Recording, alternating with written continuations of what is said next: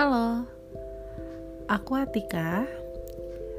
Aku di sini bakal bawain podcast dari Talk to Me, yaitu punya aku sendiri. Di sini aku mau mengurutkan kisah hidupku ketika aku dari usia TK sampai saat ini.